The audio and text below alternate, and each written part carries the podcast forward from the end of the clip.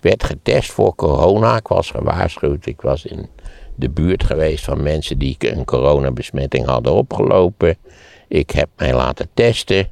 Heel interessant, krijg je midden in de nacht krijg je, krijg je bericht dat je positief getest bent. Is dat iemand die belt? Kwart over twee. Nee, nee, nee, dat gaat allemaal per mail. Het verlossen, kunt u mij horen? Ja, welkom allemaal. Fijn dat je luistert naar Maarten van Rossum, de podcast. Koos, hopelijk ben jij er ook weer bij. Ja, sorry Koos, dat gaan we niet doen Koos. Nee Koos, dat is helemaal niet de bedoeling. Oh, wacht even. Koos is iemand die het niet snapt. Ja, Maarten heeft natuurlijk eh, corona gehad, is inmiddels weer helemaal hersteld. Maar hoe heeft hij zijn quarantaine doorgebracht? Nou, dat vertelt hij zo meteen. We hebben ook uh, goed nieuws voor iedereen die net na zijn kaartje heeft gegrepen voor de live podcast in Tivoli Vredeburg. En we moeten het natuurlijk eventjes hebben over de nieuwe ministersploeg. Rutte is daar druk mee bezig. In januari zien we het resultaat. Maar ja, wie gaat dat doen? Ja, weet ik veel. Ik heb begrepen dat heel veel mensen die in principe zeer geschikt zouden zijn om minister te worden, omdat het door en door intelligente, doortastende en, en beleidsmatig geschoolde types zijn, wel link uitkijken om in Nederland minister te worden. En daar kun je wel iets bij voorstellen. Want je wordt dus permanent uitgescholden. Je ontvangt doodsbedreigingen. Tal die arme Hugo de Jonge kon niet meer met zijn kinderen over straat. Die hadden liever dat hij er niet bij was. we hebben dat Marion Koopmans drama gezien. Nee, ik, ik moet je zeggen, als ik morgen gebeld word, wat zeer onwaarschijnlijk is, dacht je dat ik het zou doen. Ik zou er nog niet over, nog niet een milliseconde over piekeren. Ik zou het nooit, nooit doen. Kaag gaat het, denk ik ook niet doen. Het afbreukrisico is enorm. Je hoeft in Nederland maar even een foutje te maken en daar ga je. Eh, eh, we hebben al die mensen gezien die overspannen werden, eh, nekpijn kregen, geheimzinnige kwalen, van een stokje gingen in de kamer. Dus je denkt, nou, je moet wel. Nee, ik, ik moet zeggen, ik, ik denk dat de Rutte nog, nog last zal hebben. Moet niet de helft ook nog vrouw zijn. Ik, je bent gek als je Nederland minister wordt. Toch wil de jongen volgens mij weer opnieuw worden. Weliswaar krijgt hij uh, VWS niet meer. Nee, het beste kan natuurlijk defensie doen. Dan zit je wel goed. Dat doet er toch geen zak toe. Dus. Nou, dus die twee zijn ook uh, lelijk gevallen. Die daar zaten. Ja, ja, ja, ja. Door Afghanistan. Waar zij verder helemaal niks mee te maken hadden. Ja, want die kaas zat er net op een slotverrekening. Nou, dit, dit even tussen zaakjes. Nee, nee het is het, we, hebben, we zijn erin geslaagd om, om, laten we zeggen, in Nederland een, een cultuur te scheppen.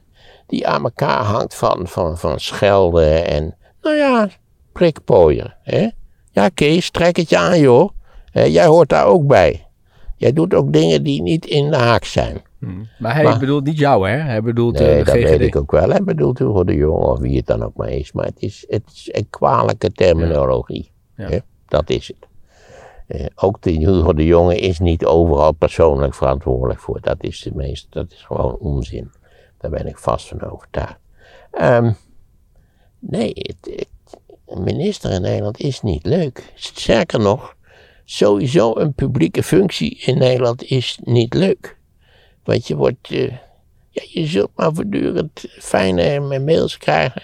En ja, daar moeten we natuurlijk nog weer iets bij opstapelen. De gruwelijke, de gruwelijke effecten van de sociale media. Die natuurlijk in allerlei opzichten zich ontwikkeld hebben tot een etterende wond in, in vrijwel alle westerse samenlevingen. Die wat mij betreft onmiddellijk verboden is een groot woord en waarschijnlijk kan dat ook niet. Is technisch heel lastig uitvoerbaar. Maar laten we eens beginnen met Facebook uh, de pin op de neus te zetten. En niet nog weer zo'n datacentrum te bouwen. Ik begreep dat er nog wel twintig bij kunnen komen. Nou, laten we die maar ergens anders bouwen dan. Nee, de, de sociale media zijn echt een, echt een enorm politiek, cultureel en maatschappelijk probleem. Waar we voorlopig geen oplossingen voor hebben. Al deze doodsbedreigingen al dat door de kop schieten van Marion Koopmans, dat komt van het internet. En vaak zodanig dat je niet kunt traceren wie dat op zijn geweten heeft. Heel veel wetenschappers ook, hè? Was ook op tv. Nou, wetenschappers, het is, het is te gek voor woorden. De mensen typen maar wat op. Ja, dat was zo... Nee, het is, het is verschrikkelijk. En dat, dat ons ook, ook weer zoiets. Want hè, weet je nog dat het kwam, sociale, dat was dat toch zo fijn. Sociale media, iedereen kon nu zijn mening zeggen. De democratie zou er enorm bij winnen. Het absolute tegendeel is het geval gebleken. Het is een drama. DigiD... eh, Ten meer omdat natuurlijk de verdienmodellen van deze sociale media natuurlijk ook eh, totaal niet deugen. Maar die, die, ja, want de negatieve reacties worden naar boven geplaatst. Hè. Die komen dan meer in het zicht van anderen, zodat dan nog meer mensen op gaan reageren. En dan eh, is dat goed voor het sociale media. Nou ja, we hebben dat allemaal wel eens behandeld. Ja. Maar goed, ik, ik zeg het ook voor de zoveelste keer. Ja. Weet je wie wel, denk ik, minister wil worden? En die heeft dat ook openlijk heeft dat, eh, gezegd. Enig idee? Dan is die man die, die ook van, eh, hoe heet het? Die het ziekenhuis Ja. in Rotterdam. Ernst Kuipers. Ja, ik vind het nooit verstandig om dat soort van dingen in het openbaar te Dat zeggen. heeft hij bij Nieuwsuur in een interview gezegd. Van, Ah. Ik zou dat wel willen. Ja, nou, oké. We zullen afwachten of die het wordt. Geen slechte keuze, toch? Ik heb geen idee. Lijkt me iemand uit de praktijk. Ja, wacht, wacht, wacht, wacht. Ik bedoel, het feit dat iemand heel, heel goed iets kan, bijvoorbeeld fantastisch kan voetballen, ik kan daar een leuk praktisch voorbeeld van geven. Wij hebben ooit in Nederland een man gehad die echt fantastisch kon voetballen, op absoluut wereldniveau. Maar daardoor dachten heel veel mensen dat hij ook allerlei andere dingen ook heel goed zou kunnen. Maar die hebben jammer nog niets met voetballen te maken. Ja, jij mag de rieken raden wie ik Ja, hier op het oog heb. Dat zal Kruif zijn. Het wereldberoemde geval niet waar van een groot voetballer, maar een totaal waarhoofd Johan Cruijff. Ja, het is jammer dat ik de zoveelste ideale held van de Nederlandse natie nu moet afbranden. Niet waar, terwijl we in dat autootje zitten. Ja, maar er zijn toch mensen die zeggen... Hij kon geweldig voetballen, daar had niets aan af. Maar goede waarom die, uitspraken had hij. waarom die daarom ook het fileprobleem eh, kon oplossen, is mij nooit duidelijk geworden. Is dat gezegd? Nou, hij heeft er wel eens iets over gezegd, ja. Zo in de geest van typisch Cruyffiaans, als Jan maar thuis blijft, is er niks aan de hand. Dan denken heel veel mensen, dat is verstandige taal. Ja, moet de dat politiek is, in. daar moet je over denken. Dat is, eh, hè. Ja, je ziet het pas als je het begrijpt. Ja, dat zal nu ook met Verstappen misschien gaan gebeuren. dat ze zeggen, nou, die is zo goed. Die is de, onze wereldkampioen. Ja, laten we Verstappen minister maken van Verkeer en Waterstaat. Leuk ideetje. ja, waarom niet eigenlijk? Zet er een fijne staatssecretaris onder, hartstikke Ja, leuk. dan kan die Jos misschien ook nog eh, staatssecretaris maken. Ja. Zeker, zeker. Nee, ik. eh, nogmaals, als iemand. Dit, dit is, er is een bekende wet dat iedereen opstijgt naar het niveau van zijn eigen incompetentie. Hè? Dus dat, dat, dat mensen dus heel succesvol zijn in een of andere sector. En dat, die- dat ze dan plotseling ook minister moeten worden, of weet ik veel wat. Voorzitter van een vereniging. Maar dat is, dat is helemaal niet gezegd. Mensen die geweldig goed kunnen besturen, die beleidsmatige talenten hebben, die, eh, nou ja, die kunnen bijvoorbeeld lang niet altijd geweldig goed voetballen. Jij wilde ook nog iets over Schiphol zeggen. Ja, over dat Schiphol, is alweer een beetje, beetje doorgedraaid. Eh, de- de- het nieuwe kabinet zit met een groot probleem, namelijk Schiphol. Schiphol is namelijk een archetypisch voorbeeld van iets wat iedereen vreselijk belangrijk vindt, waardoor het eigenlijk voortdurend bezig is geweest in de afgelopen 30 jaar om alle grenzen die eigenlijk gesteld waren aan de groei van Schiphol steeds weer op te rekken. En altijd hadden ze wel een of andere lollen smoesje erbij, dat die motoren nu toch een stuk minder lawaai maakten. Dus er konden best 25.000 vluchten bij. En de volgende keer was het omdat ze nu ook wielen hebben en daarmee kunnen landen, nog 25.000 vluchten erbij. En kortom, en zo groeide Schiphol maar door en door en door. Nu zijn evident in allerlei opzichten ook op tal van terreinen de grenzen bereikt. Met name ook weer het stikstofprobleem. Het was ook wel weer ontzettend lachwekkend. Dat er weer iemand zei, ja, als, als auto's allemaal in de buurt van Schiphol 80 k- gingen rijden, dan zou dat zou geweldig helpen voor de stikstof. Ja, dat zit net als die achterlijke 100 kilometer vanwege de stikstof. Hè. Maar niemand zich aan houdt. Waar geen mensen gaan houden in Nederland. Dat is ook zoiets. Het, lees je nergens, maar niemand houdt zich eraan. Nee. Ik heb een tijdje moest ik voor de slimste mensen van Utrecht naar, eh, naar Hilversum rijden. En dan 's ochtends kwamen ze al voorbij knallen met, weet ik het, 140, 150 kilometer per uur. De A27. Het is ook als je politie tegenkomt, ze doen niks. Ze rijden gewoon door. Die, Nee, die rijden nee, nog harder. even, dat terecht, want de politie heeft vanaf het allereerste moment gezegd, we gaan niet handhaven. Daar hebben we de, de middelen niet voor. En ik geloof graag dat dat zo is. Die rijden trouwens nog harder, ook zonder sirenes. Ja, dat is ook. Als Peter R. de Vries niet is uitgezocht. Hoe die lui die iedereen bekeurde vanwege snelheidsovertreding. Hoe die naar huis reden. Die bleken naar huis ook allemaal 160 te rijden. Ja, geestig allemaal. Maar ook die 100 kilometer, wat een, wat een knullig zwaktebod was dat ook. Wat een sukkelarij. Ik bedoel, nee, daar los je het stikstofprobleem niet mee op natuurlijk. Nee, maar eh, Schiphol... Dat is nou echt, echt koerieren om symptomen, moet je dat zeggen. Ja, maar is wel Schiphol belangrijk natuurlijk hè, voor ons land. Hè? Dat ligt midden in het, Het land. blijkt veel minder belangrijk te zijn dan Schiphol zelf altijd beweert. Want daar was een groot onderzoek naar gedaan hoe belangrijk Schiphol wel niet was. En in hoeverre het een enorme stimulator is van de, van de regionale economische groei en de werkgelegenheid enzovoort enzovoort. Een hoop werkgelegenheid bleek eh, in feite onderbetaalde koffer, kofferschuivers te zijn, dus daar werd je ook niet vrolijk van. Nee, juist die, die, die, die klassieke mythologie over de ongelooflijke vitaliteit van Schiphol, die bleek helemaal niet eh, te kloppen. Dus ik zou zeggen, laten we bij Schiphol nu maar eens de rem erop zetten. Dat wil je toch niet? Dan, gaat het toch, dan loopt het land toch helemaal vast? Helemaal niet.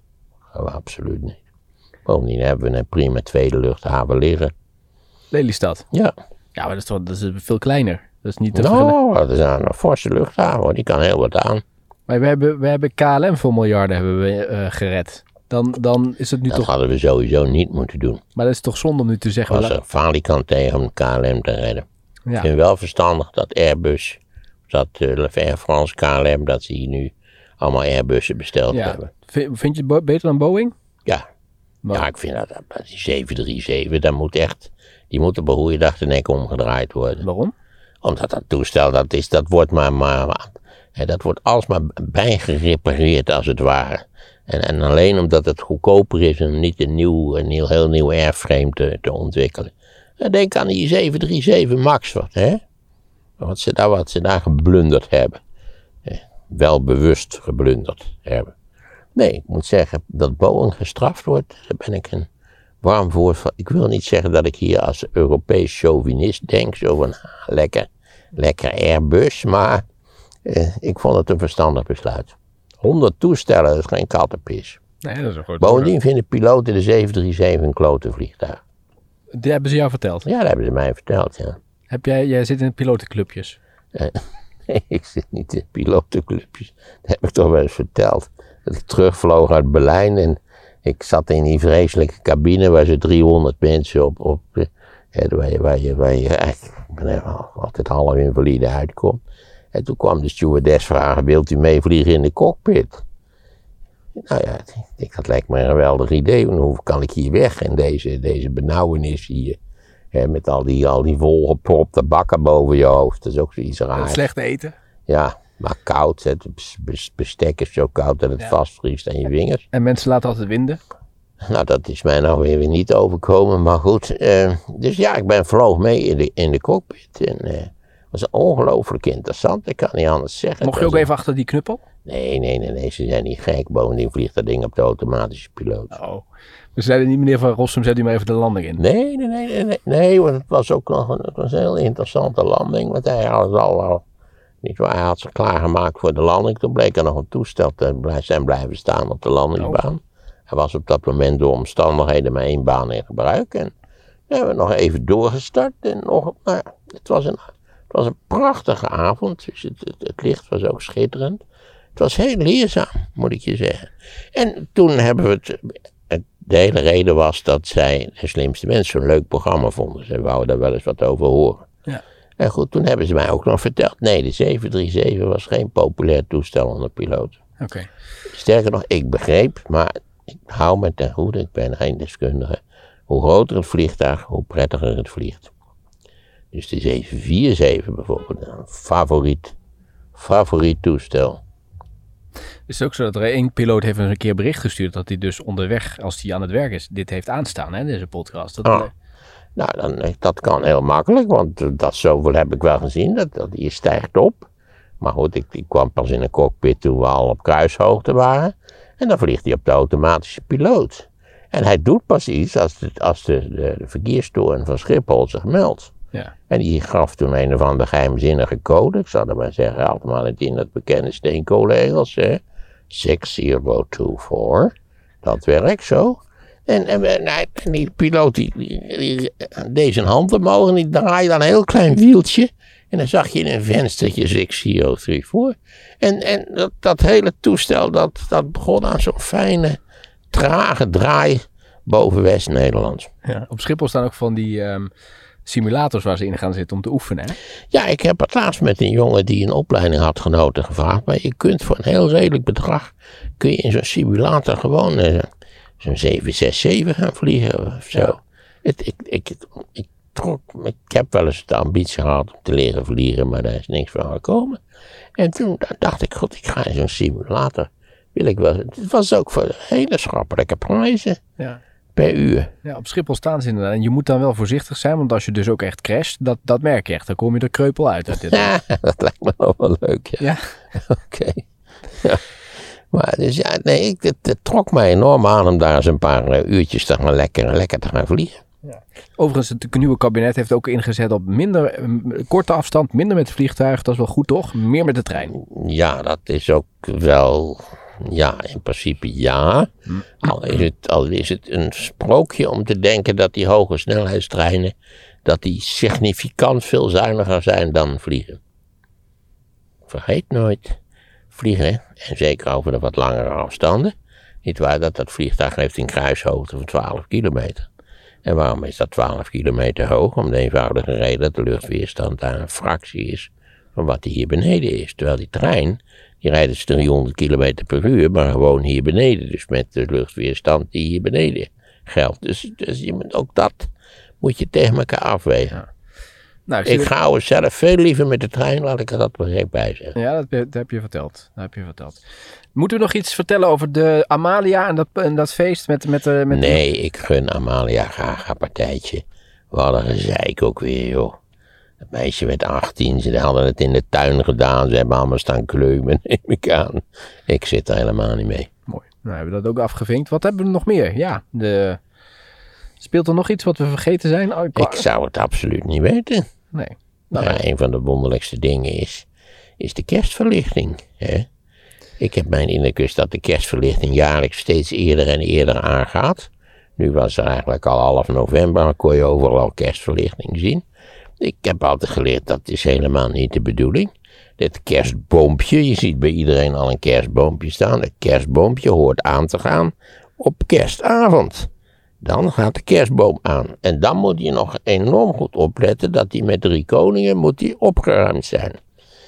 Maar wat zien we in Nederland? Dat de kerstboom er vaak al op eh, 1 december staat.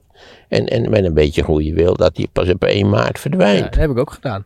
Heb jij dat ook gedaan? Ja. Ja. daar ben ik een vervent Het is tegenstander gezellig. van. Dus in die donkere... Nee, want daar gaat dus het hele effect van die, van die kerstboom, dat het een tijdelijk iets is waar je, als die er altijd staat, ja, dan al heel gauw zie je het hele ding niet meer. Nee, maar het is wel gezellig met die lichtjes. En Ja, je mist... bovendien heb je dan zo'n nep kerstboom. Ja, ik heb een nep, dat klopt ja. Dan heb je die naalden Ik wou niet. net zeggen, want anders zit je met in twee weken, verliest dat ding natuurlijk in een centraal verwarmde ruimte zijn naalden. Ja, dat is waar. Dus daarom heb ik zo'n zo'n nep ding. dus, je moet, als ik al ervoor ben dan voor een kerstboompje, en ik ben ik er niet zo voor, vroeger wel als kind, maar nu, nu iets minder, dan zou ik zeggen, neem een zo klein mogelijk kerstboompje en doe dat aan, eventueel met echte kaarsjes op kerstavond en zorg dat die op, met drie koningen weer opgeruimd is. Maar ik, ben, ik vind jou niet de type die een kerstboom in de stad gaat halen en die dan thuis gaat Nee, opzetten. dat doe ik ook niet. Dat heb ik ook nooit gedaan in mijn leven. Nee. Eerst werden de kerstbomen door mijn moeder gekocht en later werden de kerstbomen door mijn echtgenote gekocht. En denkt hij er hetzelfde over? Ja, in principe denk- denkt hij er ongeveer hetzelfde over. Oh, dus hij staat nu nog niet. Nee joh, we gaan ook helemaal geen kerstboom. Voor de takken. Takken? Ja, takken, dat kan ook. Hoe doe je dat dan? Gewoon een paar leuke kersttakken. En die leg je op de vensterbank. Bij wijze van spreken, of die zet je ergens in of tegenaan of zo. Ja, ja, ja. ja. Wat maakt het uit of het nou een boompje is, nietwaar? Nee. Met zo'n gemutileerd stammetje of dat het takken zijn, dat maakt niks uit. En ga je dan ook dan die balletjes daar zo in hangen? Nee, ik kan er niks in. Nee, oké. Jij wilde wat, wat literatuur met ons delen. Ja, ik dacht bij mezelf, eh, is het niet aardig? Want de mensen die vragen toch altijd van, eh, geef eens wat boektitels Ja, op. lees eens wat is een gevleugelde uitspraak. Lees eens wat. Nou, Ik, ik werd getest voor corona. Ik was gewaarschuwd. Ik was in de buurt geweest van mensen die een coronabesmetting hadden opgelopen. Ik heb mij laten testen. Heel interessant, krijg je midden in de nacht krijg je, krijg je bericht dat je positief getest bent. Is dat iemand die belt? Kwart over twee. Nee, nee, nee, dat gaat allemaal per mail. Of per, per, per hoe heet die andere sms. Oké, dus is automatisch ja, gegenereerd. het werd, je, het werd je op allerlei manieren toegestuurd. Dat Ja. je, dat je, en het was kwart over twee s'nachts. Dus ik heb nog mijn echtgenote wakker gemaakt. En zei van ja, sorry, maar ik ga ergens anders slapen. Want ik blijk toch, eh, ik heb positief getest. En ik, ga, ik heb geen zin om je aan te steken. En ik moet zeggen, ze heeft uiteindelijk ook nergens eh, last van gehad. Maar ja, ik was wel gedwongen natuurlijk om een week binnen te zitten. Ik moet je bekennen dat ik een enkele malen in het duister, niet waar, s'avonds een wandelingetje heb gemaakt en mij op hele grote afstand heb gehouden van eventueel eh, door mij te besmette personen. Dus ik dacht, dat kan er wel mee door. Maar in principe heb ik dus ruim acht dagen thuis gezeten. En was dat makkelijk voor je? Want in principe is het niet eh, heel anders dan je normale leven, toch? Nee, het was niet zo heel anders dan mijn normale leven. Maar zeker de eerste drie dagen was ik toch behoorlijk grieperig. Ik kan niet anders zeggen dat je het echt... Kon goed merken dat je, dat je iets had. Eh, en bovendien ontzettend verkouden. Het was een combinatie van die twee. En dat, de combi was toch na drie, vier dagen wel zo'n beetje achter de rug. Maar je moet, eh, het is geloof ik zeven dagen. Dan moet je één dag hebben dat je klachtenvrij bent. En dan mag je, dan mag je weer de hort op, zal ik maar zeggen. Dus ik dacht ook gezien de griepklachten, ik ga niet al te zwaar lezen. Ik wil een leuk, eh, een beetje leuk. Dus ik heb in die week drie romans gelezen. Van een Engelse schrijfster genaamd Jane Gardam. G-A-R-D-A-M. Zij is van hoge leeftijd. Zij heeft enorm veel gepubliceerd. Is pas gaan, ik geloof pas fictie gaan schrijven na haar veertigste, als ik het wel heb. Dit is een trilogie die ik iedereen van harte kan aanbevelen. U moet houden van Engelse romans, dan, dat, dat wel. Dus eh, ja, wordt er ontzettend veel gruwelijke seksscènes, geweld, instortende huizen. Nee, dat is er allemaal niet bij. Het, is, het, het zijn fantastische romans. En eh, nogmaals, het is een trilogie. De eerste heet Old Filth, F-I-L-T-H. Dat filth is een afkorting. Failed in Londen, try Hong Kong. Het gaat over een man die een fantastische juridische carrière maakt. In Londen wil het niet zo opschieten, maar door omstandigheden, niet waar, raakt hij betrokken bij de, bij de rechtspleging in Hongkong. Vandaar Filth. Het eerste deel van de trilogie heet Old Filth. Gaat over die man. En hoe die dat geworden is en wat zijn achtergrond is. En nou, allemaal heel aardig beschreven. Ik hoef dat niet verder uitgebreid uit de doeken te doen. Min of meer dezelfde set van personen speelt ook eh, in de tweede roman. Die heet The Man in the Wooden Hat. Eh, dezelfde personen in grote trekken, maar iets, een iets ander perspectief. En tenslotte is er een derde deel dat heet eh, Last Friends. Dat vond ik iets minder dan de andere twee, maar altijd nog geweldig fijn, lekker om te lezen.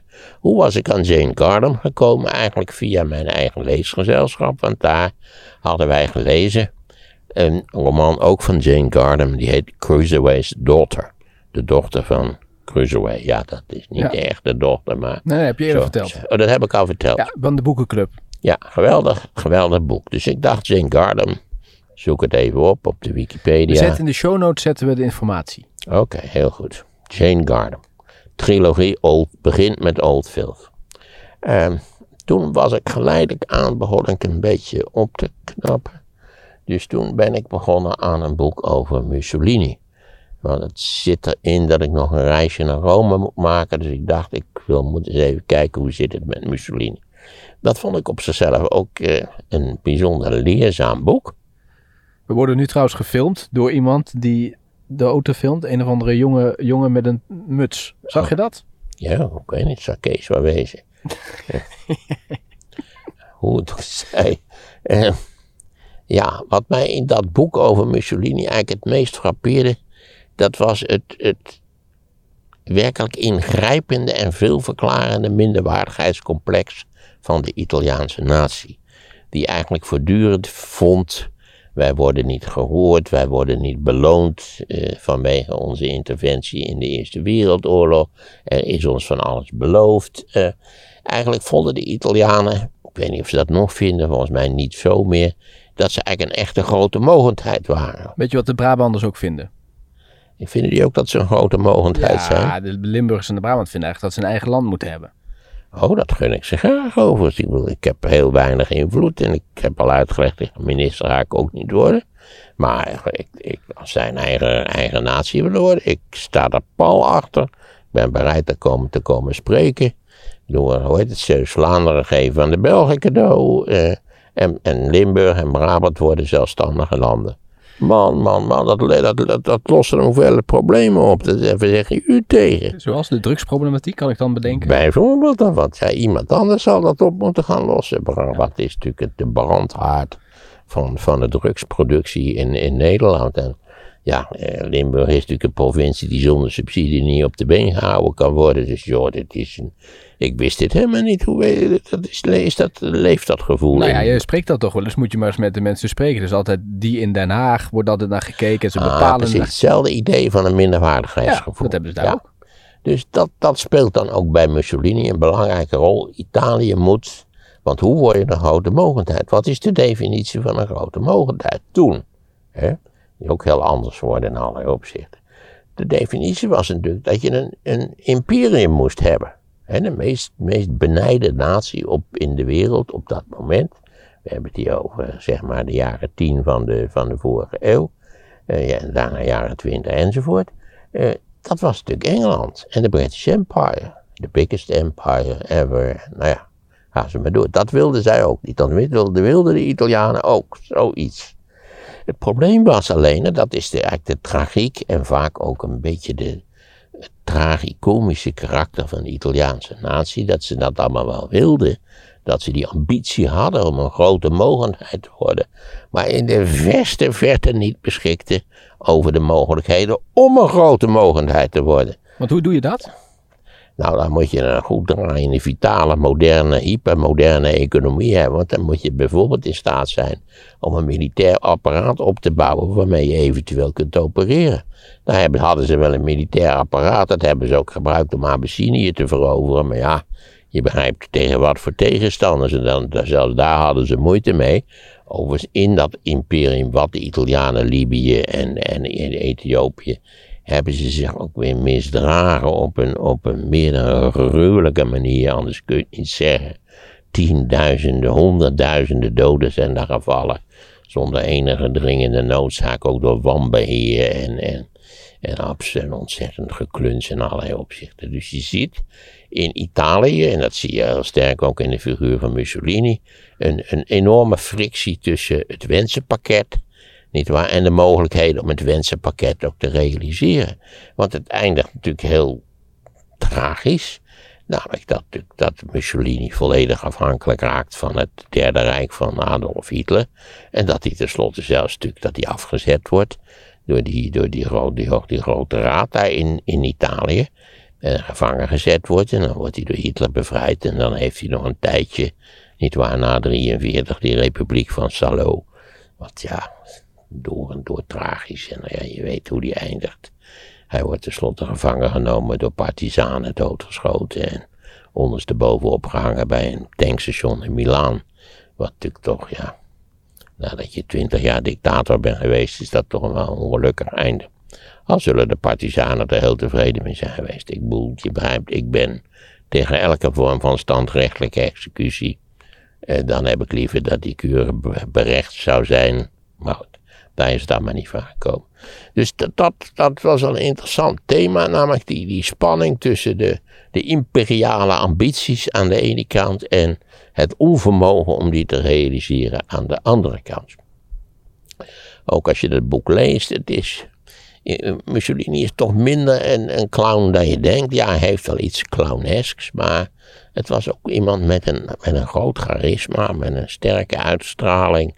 Met, met, met, gaf ook anderen de indruk van hij enorm energie, energie had om dingen te realiseren. Hoe heet het boek? Dan kunnen we het even ook in de. Volgens mij gewoon Mussolini, maar dat is wel stom dat ik dat nu even niet weet. Het is, het is ook volgens mij in het Engels en in het Nederlands vertaald. Het is oorspronkelijk een Duits boek. Het is vrij recent verschenen, dus kijk even. Wie is de schrijver? Weet ik ook niet meer, dat is wel erg, hè? Nou ja, Mussolini is het belangrijkste, maar die schrijver zal een bepaalde kleur geven aan, aan de, wat hij Ja, het is, god, hoe heet die man nou? Nou ja, We gaan het kan er nu niet opkomen. Als je het op eh, Google intikt, vind je het vanzelf, denk ik. Ja, dat denk ik wel. Daarbij En hoe kwam je met op dit boek? Hoe kwam ik op dit boek? Omdat ik eh, een reis zou gaan maken naar Rome. Zo'n zo'n culturele reis. En ik dacht, ja, je moet wel een beetje op de Ja. hoogte zijn. En ik had met mijn reispartner Willem Melging afgesproken. Ik zou doen, laten we zeggen, Italië in het spel van de grote mogendheden. Italië in Eerste en Tweede Wereldoorlog. Dus ik dacht, nou, dit boek werd heel positief besproken. En ik moet zeggen, ik vond het ook een, het leest lekker vlot weg. Precies. Mussolini die doet, kan niet veel goed doen bij de auteur, maar je begrijpt wel waarom dat het geval is. Dat legt hij naar mijn idee goed uit. Eh, ja, stom dat ik even niet op dit moment paraat heb wie het geschreven Ja, we zetten in de show notes. Nu had ik dat boek dus gelezen over Mussolini. Vervolgens bleek natuurlijk dat ik corona had en kon ik niet naar Rome. Dus eh, maar goed, ik heb het nu gelezen en kan het bij alle andere gelegenheden eventueel aankaarten. En toen viel mijn oog op een boek, werd, op, werd ik op geattendeerd, van een Engelse historicus genaamd Richard Overy. Godzijdank weet ik deze naam wel. Dat komt omdat ik al vrij veel van Richard Overy heb gelezen. En dit nieuwe boek van Richard Overy. Richard Overy is eigenlijk in allerlei opzichten de, wel de belangrijkste historicus van de, van de Tweede Wereldoorlog Waarom? Omdat hij over de Tweede Wereldoorlog een hele reeks van meer dan voortreffelijke boeken heeft geschreven, die iedereen die geïnteresseerd is in de Tweede Wereldoorlog met vrucht kan lezen. Dit nieuwe boek van Richard Overy, dat heet Blood and Ruins. Dat wil zeggen bloed en ruïnes. Maar het gaat eigenlijk over de Tweede Wereldoorlog als een Imperial War. Dus de ondertitel is ook de Imperial Second World War en die begint in 1931 en die loopt tot 1945. Want zegt hij, terecht naar mijn idee, volkomen terecht, in feite dagen drie eh, naties dagen de bestaande politieke orde in de wereld toen, hè, we hebben het onder de jaren 20 en 30, uit. Want zij willen ook een imperium. Vandaar dat dat leuk aansloot bij Mussolini en, en zijn wensen voor een Italiaans imperium. Omdat natuurlijk ook Duitsland eigenlijk een imperium wilde hebben. En in feite is nummer drie in hier natuurlijk, is, zijn de Japanners. Die wilden ook een imperium hebben. Want de mythologie van, van de imperiumbouwers is altijd geweest. Eh, overigens geënt op, op die nou ja, op geopolitieke theoretici. Er is geloof ik geen vak wat meer ellende heeft aangericht als de, het, de, de zogenaamde geopolitiek. Want het idee was dat je eigenlijk als natie niks betekende zonder Großraum, zoals de Duitsers dat zo treffend hebben gezegd. Zonder een enorme ruimte waar, waar, je, waar, je, waar je immigranten heen zou kunnen sturen, waar je grondstoffen uit zou kunnen betrekken enzovoort. Overigens een theorie die de grootst mogelijke lulkoek eerste klas is gebleken. Want je weet hoe het afgelopen is met de Imperial Second World War. Namelijk de Duitsers, de Japanners en de Italianen hebben ongelooflijk klop gekregen. En hebben dik, dik verloren. Nou, met de Italianen gaat het nog steeds niet echt super de super. Maar je kunt van de Japanners en de Duitsers niet zeggen dat ze erg geleden hebben onder de nederlaag. Het tegendeel is het geval. Niet waar Duitsland is en dan nog alleen eigenlijk aanvankelijk West-Duitsland is tot grote economische bloei gekomen. En tot op de dag van vandaag natuurlijk het vitale economische hart van de Europese Unie. Tot grote ellende van de Fransen vanzelfsprekend. En de Japanners hebben in feite dat trucje ook uitgehaald. Niet de Duitsers deden dat in de jaren 50 met het Wirtschaftswunder. Maar de Japanners hebben dat gedaan in de jaren 70. Niet waar? Die, ja, die hebben zich eigenlijk in no time ontwikkeld tot een hypermoderne industriële mogendheid. Met, eh, denk aan quality control. Dat is door de, door de Japanners op een totaal ander niveau gebracht. Denk aan, aan enorme vernieuwingen in de, in de staalindustrie. Ook, komt ook van, is ook van de Japanners afkomstig. Dus de Japanners hebben ook in feite een, een triomfantelijk partijtje meegeblazen. Zonder grootschram. Niets is, als je er even over nadenkt, ja, Misschien moet ik ooit een boek schrijven. Geopolitiek is gelul. Dat, dat, ja, nu ik het zo zeg, het komt er ook hopelijk een beetje enthousiast Ja, uit. ik zie het ook wel op de kaft staan al. Geopolitiek is gelul. Ja, de draagbare van Rossum zag ik van de week trouwens. Die McKinder, het, het wereldeiland, het is allemaal van een... En op het eerste gezicht denk je, oeh ja... Maar het is gewoon onzin. Als je nou even denkt, wat zijn nou de aller, aller succesvolste landen ter wereld? Dan zijn het eigenlijk allemaal landen, niet alleen zonder grote ram, maar sowieso zonder enig ram. Noem ze eens dan. De Venetiaanse Repu- Republiek, de Nederlandse Republiek. Wat was de Nederlandse Republiek? Dat was gewoon Noord- en Zuid-Holland met Amsterdam. Maar waarom, waar baseer je op dat dat het meest succesvolle was? Nou ja, het waren de rijkste landen ter wereld. En dan daarvoor dus de Venetiaanse Republiek natuurlijk. En, en wat dacht je van tegenwoordig Singapore? Hè? Heeft Singapore een groot raam? Nou, dat kun je toch Nee. bepaald je zou nog wel bij Nederland kunnen Wat zeggen. dacht je van, een, van het ongekende succes van, van, van Hongkong? Dat zijn allemaal, denk er even over na, stadstaten. Ja, maar dat was Engeland. Hongkong. Ja, dat zegt verder niks. Het succes van Hongkong was beduidend groter na de Tweede Wereldoorlog dan het succes van Engeland. Ja. Want Engeland is natuurlijk een land wat relatief gezien. Het is niet dat ze door, tot bittere armoede zijn vervallen, maar Engeland is natuurlijk relatief gezien in de afgelopen, sinds de Tweede Wereldoorlog, fors achterop geraakt. Ik geloof dat Engeland qua inkomen per hoofd, eh, zeg in begin jaren 50 nog op de zesde, zevende plek in de wereld staat. Als ze nu op, op 28 staan, is het veel. Eh, dus nee, Engeland heeft er natuurlijk niet zo verschrikkelijk veel van terechtgebracht. Met één enkele uitzondering. En Engeland natuurlijk een heel zonderling land is. Namelijk omdat Londen natuurlijk een ongekend succes is. Eh, Londen is ook de enige hoofdstad die geloof ik meer dan tienmaal zo groot is dat, als de tweede stad in Engeland. Jij weet waarschijnlijk überhaupt niet wat de tweede stad zou kunnen wezen. Ik geloof dat het Birmingham is, maar dan weet je al, nou ja, bij Birmingham, dat klinkt al. Ik bedoel, daar kunnen ze ook zelfs niet eens voetballen, dus dat, dat, nou ja. Nee, Grooseram, het verschrikkelijke waanidee van Grooseram. En allemaal eigenlijk als vanwege dat voorbeeld van de, van de traditionele Europese grootmachten als Maar wij hebben dat imperiale ook machten. gehad? We hebben dat ook, en misschien bij Ja, we hebben ook een Grooseram gehad, ja. En je weet, je met de weet, VOC. je weet, toen we het kwijtraakten, dat is dus tussen 45 en 49, nietwaar? Wat men toen zei in Nederland. Indië verloren, rampspoed geboren. Is dat ook zo? Nee, absoluut niet. 0,0. Het, het, het heeft nauwelijks doorgetikt dat we dat Indonesië kwijt zijn geraakt. Achteraf denk je vaak, wat zijn we blij dat we het kwijt zijn. Hè, moet je denken, wat, nou ja, daar gaan we het even niet over.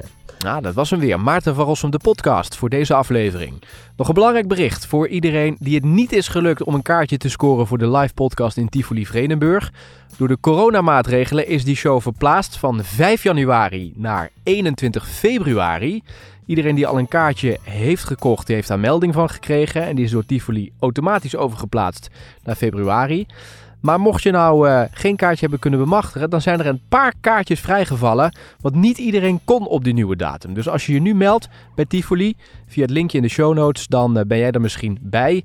En eh, we zijn sowieso van plan om later dit jaar nog een nieuwe show te gaan doen. Dus dan kun je je sowieso aanmelden. Laat een recensie achter op Apple of Spotify, dat vinden we leuk. Volg ons op de socials, Maarten Podcast op Twitter of Instagram. En als je door wilt praten met andere luisteraars, dan kan dat op Telegram. Al die linkjes, net als alle boeken die Maarten heeft besproken, die vind je in de show notes van deze podcast. Leuk dat je erbij was. Tot de volgende keer. Weet ik veel.